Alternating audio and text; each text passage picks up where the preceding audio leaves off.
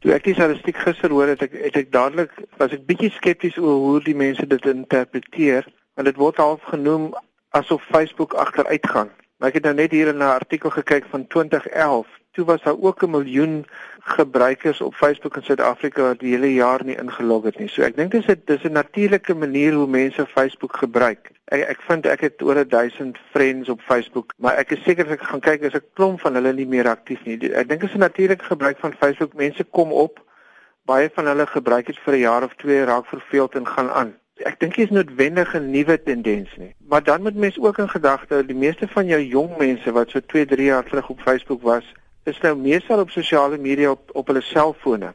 So uh, Facebook doen daar nie meer die ding vir hulle nie. Dit wil vir my lyk of die kinders een matrikulante die aandag my gesê nee, ons is nou verveeld met Facebook, ons gaan aan. Interessant dat jy sê die ouens in matriek sê hulle is nou moeg vir Facebook want hierdie selfde studie het bewys dat meer ouer mense in die ouderdomskategorie van 60 en ouer begin nou aansluit by Facebook. So dit lyk asof die jonger mense wegbeweeg van Facebook en die ouer mense begin nou eers Facebook ontdek.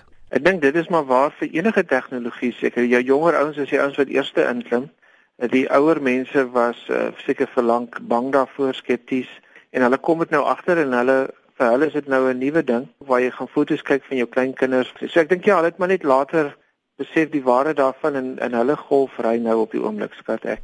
En Facebook is seker nie te bekommerd oor die aantal verbruikers of gebruikers wat hulle elke jaar of elke maand verloor nie verloor is nie die woord nie. Hulle hulle gebruik hom net nie meer nie, maar ek die statistiek wat ek nou na gekyk het verlede jaar, die laaste 6 maande, het Facebook elke jaar 100 000 nuwe gebruikers gekry elke maand. So die ouens wat weggaan word, lyk my maar tog maar vervang met nuwe ouens nou wat nou weer inkom. En as ons so praat van mense wat nie meer Facebook gebruik nie. Daar het nou 'n 'n nuwe ding uitgekom wat jy moet betaal vir boodskappe wat jy aan iemand stuur wat nie deel van jou vriendekring is nie. Ek het self op my profiel gaan kyk en ek moes R1.76 betaal as ek 'n boodskap aan iemand in Poland wou stuur. Sal hierdie soort van stap deur Facebook nie meer mense afskrik van Facebook af nie? Hulle het seker hulle sommetjies gemaak, maar die ou wat dit net daagliks sommer net informeel gebruik, gaan regtig nie begin betaal om die goed te stuur. Daar's soveel ander maniere om goedkoop met mekaar te kommunikeer deesdae, maar ek neem aan Facebook het dit nie sommer onverskillig gedoen nie.